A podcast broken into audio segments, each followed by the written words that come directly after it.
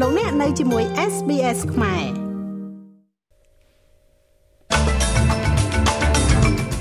អូស្ត្រាលីរំលឹកវិញ្ញាណក្ខន្ធមនុស្ស202នាក់ដែលបានស្លាប់នៅក្នុងបន្ទោះគ្រាប់បែកនៅកោះបាលីកាលពី20ឆ្នាំមុនការផ្លាស់ប្ដូរយ៉ាងខ្លាំងចំពោះច្បាប់ COVID-19 នៅតាមសាលារៀនក្នុងរដ្ឋ Victoria ចាប់ពីថ្ងៃស្អែកទៅរដ្ឋាភិបាលលុបចោលកម្មវិធីទាបំណុលពីប្រជាជនជិត2សែននាក់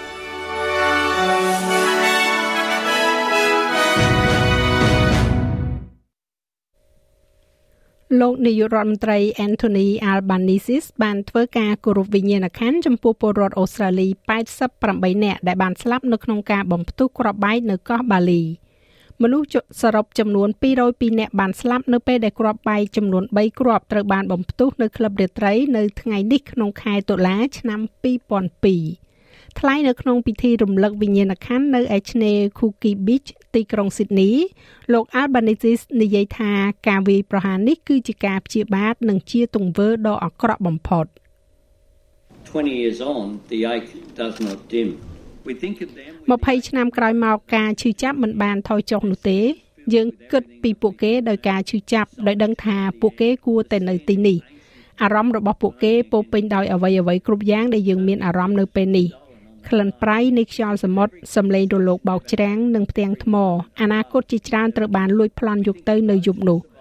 យើងគិតពីរាល់ការសន្ទនាដែលមិនធ្លាប់មានរាល់ពេលវេលានៃក្តីស្រឡាញ់ដែលមិនបានដឹង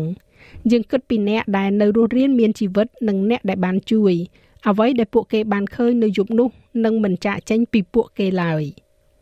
ហើយពិធីរំលឹកខួបនៃការបន្ទុះគ្រាប់បែកនៅលើកោះបាលីនេះក៏បានប្រព្រឹត្តធ្វើឡើងនៅទីក្រុង Canberra ផងដែរក្រុមអ្នកនយោបាយមន្ត្រីប៉ូលីសអ្នកដែលរួចផុតពីសេចក្តីស្លាប់និងក្រុមគ្រួសារនៃ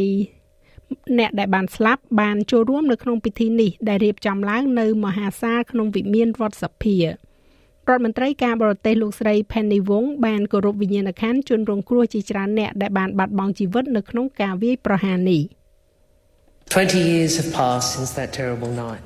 20ឆ្នាំបានកន្លងផុតទៅ តាំងពីយប់ដ៏អាក្រក់នោះ20ឆ្នាំនៃទុកព្រួយ20ឆ្នាំនៃការតស៊ូដើម្បីកសាងរូបកាយនិងជីវិតឡើងវិញ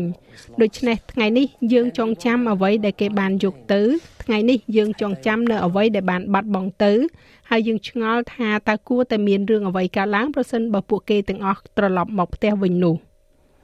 ការវាយប្រហារនេះត្រូវបានធ្វើឡើងដោយក្រុមភេរវជនដែលមានទំនាក់ទំនងជាមួយនឹងក្រុមអាល់កៃដាសាលារៀននៅក្នុងរដ្ឋ Victoria នឹងមើលឃើញនឹងការផ្លាស់ប្ដូរយ៉ាងខ្លាំងចំពោះច្បាប់ទម្លាប់ COVID-19 ម៉ាស់មុខនឹងមិនត្រូវតម្រូវឲ្យពាក់ទៀតទេនៅក្នុងសាលារៀននៅក្រោមច្បាប់ COVID-19 ថ្មីដែលចូលជាធរមាននៅថ្ងៃប្រហ័សស្អែកនេះ។ វិធានការរក្សាគម្លាតរូបរាងកាយនិងការតម្រូវឲ្យចាក់ថ្នាំបង្ការសម្រាប់បុគ្គលិកក៏នឹងត្រូវលុបចោលផងដែរនៅពេលដែលការប្រកាសអាសន្នអំពីโรគរាតត្បាតរបស់រដ្ឋាភិបាលរដ្ឋនេះបានដល់ទីបញ្ចប់ប្រជាជនរស់នៅក្នុងរដ្ឋ Victoria នឹងមិនត្រូវផ្ដាច់ខ្លួនឯងចេញឆ្ងាយពីគេទៀតនោះទេ បន្ទាប់ពីធ្វើតេស្តឃើញ COVID-19 វិជ្ជមានប៉ុន្តែត្រូវបានណែនាំយ៉ាងខ្លាំងឲ្យធ្វើដូច្នេះ។ ការជូនដំណឹងអំពី COVID-19 ដល់ឪពុកម្ដាយនៅពេលដែលមានកូនសិស្សឆ្លងក៏នឹងបញ្ឈប់ដែរហើយការធ្វើតេស្តរហ័សនៃទំនាក់ទំនងជិតស្និទ្ធត្រូវបានណែនាំយ៉ាងខ្លាំងហើយសិស្សឬក៏ឪពុកម្ដាយរបស់ពួកគេក៏គួរតែរាយការណ៍អំពីលទ្ធផលវិជ្ជមានទៅសាលារៀនរបស់ពួកគេផងដែរ។ នាយកដ្ឋានអប់រំនៅតែតម្រូវឲ្យសាលារៀនបន្តប្រើប្រាស់នៅម៉ាស៊ីនបន្សុទ្ធខ្យល់បង្កើនខ្យល់ចេញចូលពីខាងក្រៅលើកទឹកចិត្តឲ្យមានអនាម័យផ្ទាល់ខ្លួន និងមានម៉ាស់សម្រាប់ឲ្យបុគ្គលិកសិក្សានុសិស្សនិងភ្ញៀវដែលចង់ពាក់វាប្រជាជនជិត2សែននាក់ដែលបានចំណាយពេលជាច្រើនឆ្នាំនៅក្នុងការតស៊ូដើម្បីជំរះបំណុលសុខុមាលភាព ដែលពួកគេមិនបានជំពាក់ក្រោមការស៊ើបអង្កេតរបស់ Centrelink ត្រូវបានលុបចោល។ រដ្ឋាភិបាលសហព័ន្ធនឹងលុបចោលករណីជនរងគ្រោះដោយសារបំណុល Robodebt ដែលនៅតែស្ថិតក្រោមការត្រួតពិនិត្យដោយបំណុលដែលអាចកើតមានណាមួយមិនត្រូវបានអនុវត្តទៀតទេករណីទាំងនេះត្រូវបានផ្អាកនៅក្នុងឆ្នាំ2019បន្ទាប់ពីមានការព្រួយបារម្ភជាច្រើនបានលើកឡើងអំពីគម្រោងទារបំណុលនេះប្រជាជនចំនួន197,000នាក់នឹងទទួលបាននៅលិខិតជូនដំណឹងក្នុងពេលឆាប់ៗនេះ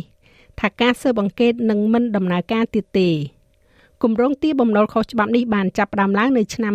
2015ហើយបានចោទប្រកាន់ខុសទៅលើអ្នកដែលទទួលនៅប្រាក់ជំនួយសុខុមាលភាពពីការជំពាក់លុយរដ្ឋាភិបាលប្រាក់ជាង750លានដុល្លារត្រូវបានគេរកឃើញថាបានទាមទារខុសពីមនុស្ស381,000នាក់រាជគណៈកម្មការមួយដែលនឹងពិនិត្យសាររើលើគម្រោងទារបំណុលនេះនឹងចាប់ផ្ដើមសវនាការជាសាធារណៈនៅចុងខែតុលា បរិះម្នាក់នឹងបង្ហាញខ្លួនឡើងវិញនៅក្នុងតឡាការនៅសប្តាហ៍ក្រោយជុំវិញការបុកស្លាប់នៅតំបន់ខ្ពង់រាបភាគខាងត្បូងរដ្ឋ New South Wales កាលពី18ឆ្នាំមុន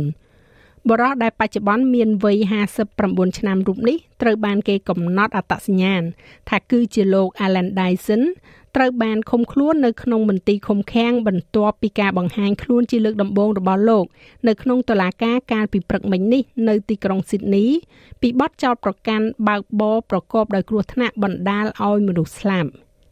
លោក Dyson ត្រូវបានធ្វើបច្ចាប័នពីរដ្ឋ Queensland ទៅកាន់ទីក្រុង Sydney កាលពីយប់មិញដើម្បីប្រឈមមុខទៅនឹងការចោទប្រកាន់នេះ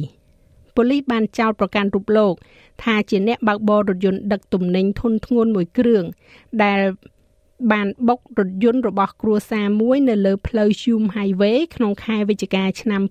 2004ដោយបានរុញរថយន្តនោះធ្លាក់ចុះទួល40ម៉ែត្របណ្ដាលឲ្យអ្នកបើកបរម្នាក់និងអ្នកដំណើរ2នាក់រងរបួសហើយកុមារអាយុ6ឆ្នាំ Ryan Strady បានស្លាប់បាត់បង់ជីវិតគេរំពឹងថាអតីតបុគ្គលិកគណៈ បក Liberal អ្នកនាង Brittany Higgins នឹងត្រឡប់ចូលតុលាការវិញដើម្បីបន្តការសាកសួរយ៉ាងល្អិតល្អន់នៅសប្តាហ៍នេះនៅក្នុងការកាត់ក្តីជន់ជាប់ចោតពីបទរំលោភសេពសន្តិវៈមកលើរូបនាង។អ្នកនាង Higgins មិនអាចផ្ដល់ផុសតាងបានទេចាប់តាំងពីថ្ងៃច័ន្ទប៉ុន្តែប្រធានតុលាការកំពូលនៅ ACT លោកស្រី Lucy McCallum បានប្រាប់គណៈវិនិច្ឆ័យនៅថ្ងៃនេះថាគេរំពឹងថាអ្នកនាង Higgins នឹងត្រឡប់ចូលសាវនាការវិញនៅថ្ងៃសុក្រ លោក Bruce Lerman កំពុងតែស្ថិតក្នុងដំណើរការកាត់ទោសពីបទចោទប្រកាន់រួមភេទដោយគ្មានការយល់ព្រមលោកបានសារភាពថារូបលោកមិនបានប្រព្រឹត្តខុសនោះទេចំណាត់ការជាក្រុមមួយកំពុងតែដំណើរការនៅក្នុងតឡាការសហព័ន្ធទីក្រុងស៊ីដនីជំវិញការធ្វើដំណើរនៅក្នុងខែមីនាឆ្នាំ2020នៃ Nivea Ruby Princess Cruise Ship អ្នកដំណើរជាង600នាក់ដែលបានកើត COVID-19 បន្ទាប់ពីនាវានេះត្រឡប់មកទីក្រុងស៊ីដនីវិញ ដោយជាលទ្ធផលមានអ្នកស្លាប់ចំនួន28នាក់ករណីនេះចោទប្រកាន់ថាប្រតិបត្តិការនាវាចរមិនបានការពារអ្នកដំណើរពីហានិភ័យនៃការឆ្លងមេរោគនិងបំពានកាតព្វកិច្ចថែទាំរបស់ពួកគេរួមជាមួយនឹងច្បាប់អ្នកប្រើប្រាស់ លោកស្រី Vicky Anzulatus មកពី Shine Lawyers កំពុងដឹកនាំការដាក់ពាក្យបណ្ដឹងនេះលោកស្រីបានចូលគោរពវិញ្ញាណក្ខន្ធកូនក្រីរបស់លោកស្រីនៅខាងក្រៅតុលាការកាលពីព្រឹកមិញ We're here today to seek justice យើងនៅទីនេះនៅថ្ងៃនេះដើម្បីស្វែងរកយុត្តិធម៌សម្រាប់អ្នកដំណើររាប់ពាន់នាក់នៅលើនាវា ស្វែងរកយុត្តិធម៌ជូនប្រជាជនដែលបានបាត់បង់ជីវិតយ៉ាងសោកសៅនិងសម្រាប់ក្រុមគ្រួសារដែលជីវិតរបស់ពួកគេត្រូវបានហែកហួរ។នៅឯប្រទេសកម្ពុជាវិញលោកនាយករដ្ឋមន្ត្រីហ៊ុនសែនបានប្រកាសអំពីជោគជ័យជុំវិញការដាក់ពាក្យបណ្ដឹងប្រឆាំងលោកសំរងស៊ីអតីតមេដឹកនាំគណៈបកប្រឆាំងនៅតុលាការប្រទេសបារាំងពាក់ព័ន្ធទៅនឹងមរណភាពរបស់លោកហុកឡុងឌីអតីតមេប៉ូលីសកម្ពុជា ដែលបានស្លាប់ដោយសារធ្លាក់យន្តហោះកាលពីឆ្នាំ2008តាមសាលក្រមរបស់តុលាការទីក្រុងប៉ារីសប្រទេសបារាំងលោកហ៊ុនសែនបានអះអាងថាតុលាការបានរកភាពស្អាតស្អំជូនលោក ដោយបញ្ជាក់ថាលោកមិនមានជាប់ពាក់ព័ន្ធទៅនឹងករណីស្លាប់របស់លោកហុកឡុងឌីដោយសារការធ្លាក់ឧទ្ធម្ភាគចក្រកាលពីឆ្នាំនោះនោះទេខ្ញុំអរគុណចំពោះតុលាការបារាំងដែលបានផ្ដល់យុត្តិធម៌សម្រាប់ខ្ញុំភាពស្អាតស្អំសម្រាប់ខ្ញុំ ខ្ញុំគ្រាន់តែយកចំណុច3យកមកលាបតានៅទីនេះព្រោះខ្ញុំត្រូវការតែប៉ុណ្ណឹងចាលោកមេងផល្លានឹងជួនសេចក្តីរាយការណ៍លម្អិតនៅវគ្គក្រោយបន្ថែមទៀតឬលោកអ្នកអាចចូលស្ដាប់របាយការណ៍ពេញនៅលើគេហទំព័រ sbs.com.au/ ខ្មែរ នៅក្នុងព័ត៌មានកីឡាបាល់ទាត់ក្រុម Matildas បានទទួលជ័យជំនះដ៏ប្រពៃបំផុតរបស់ពួកគេសម្រាប់រយៈពេល1ឆ្នាំដោយបានធ្វើដំណើរទៅកាន់ទ្វីបអឺរ៉ុបជាមួយនឹងជ័យជំនះ3ទល់នឹង1លើក្រុមដាណឺម៉ាកនៅទីក្រុង Viborg វាគឺជាជ័យជំនះលើកដំបូងរបស់ក្រុម Maltidas ទៅលើក្រុមដែលស្ថិតក្នុងចំណាត់ថ្នាក់កំពូល20ក្រុមចាប់តាំងពីបានដួលផ្ដួលក្រុមបាល់ទាត់ប្រេស៊ីលក្នុងទីក្រុងស៊ីដនីកាលពីខែតុលាឆ្នាំមុននិងជាជ័យជំនះដែលគួរឲ្យចាប់អារម្មណ៍បំផុតរបស់ពួកគេចាប់តាំងពីបានផ្ដួលក្រុមរបស់ចក្រភពអង់គ្លេសនៅឯព្រឹត្តិការណ៍អូឡ িম্প ិកនៅទីក្រុងតូក្យូ កីឡាករនី Kathleen Ford ដែលបានសុតបាល់បញ្ចូលទីដ៏គួរឲ្យភ្ញាក់ផ្អើលចំនួន2គ្រាប់នោះ បានបង្ហាញនៅអារម្មណ៍រីករាយយ៉ាងដូចនេះថា I was a bit disappointed in the South Africa game. I had plenty of chances and ខ្ញុំមានការខកចិត្តបន្តិចនៅក្នុងការប្រកួតនៅអាហ្វ្រិកខាងត្បូងខ្ញុំមានឱកាសច្រើនហើយខ្ញុំសប្បាយចិត្តដែលខ្ញុំបានបង្កើតវាម្ដងទៀតនៅយប់នេះហើយខ្ញុំចង់បន្តវាទៅឆ្នាំក្រោយទៀត។ ចាស់ហើយចំណែកឯអត្រាប្តូរប្រាក់វិញនៅថ្ងៃនេះ1ដុល្លារអូស្ត្រាលីមានតម្លៃប្រមាណជា62សេនកន្លះប្រាក់ដុល្លារអាមេរិកត្រូវនឹង2600រៀលប្រាក់រៀលខ្មែរ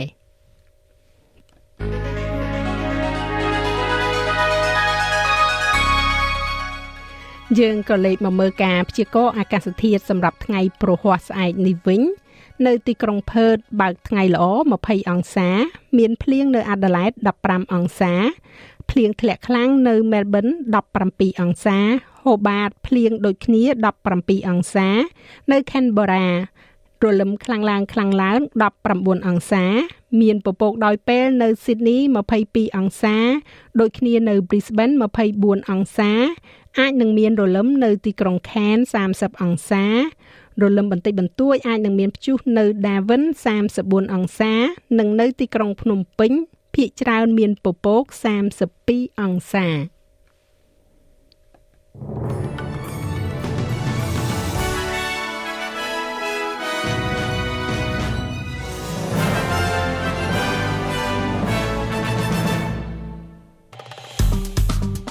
ចុច like share comment និង follow SPS ខ្មែរនៅលើ Facebook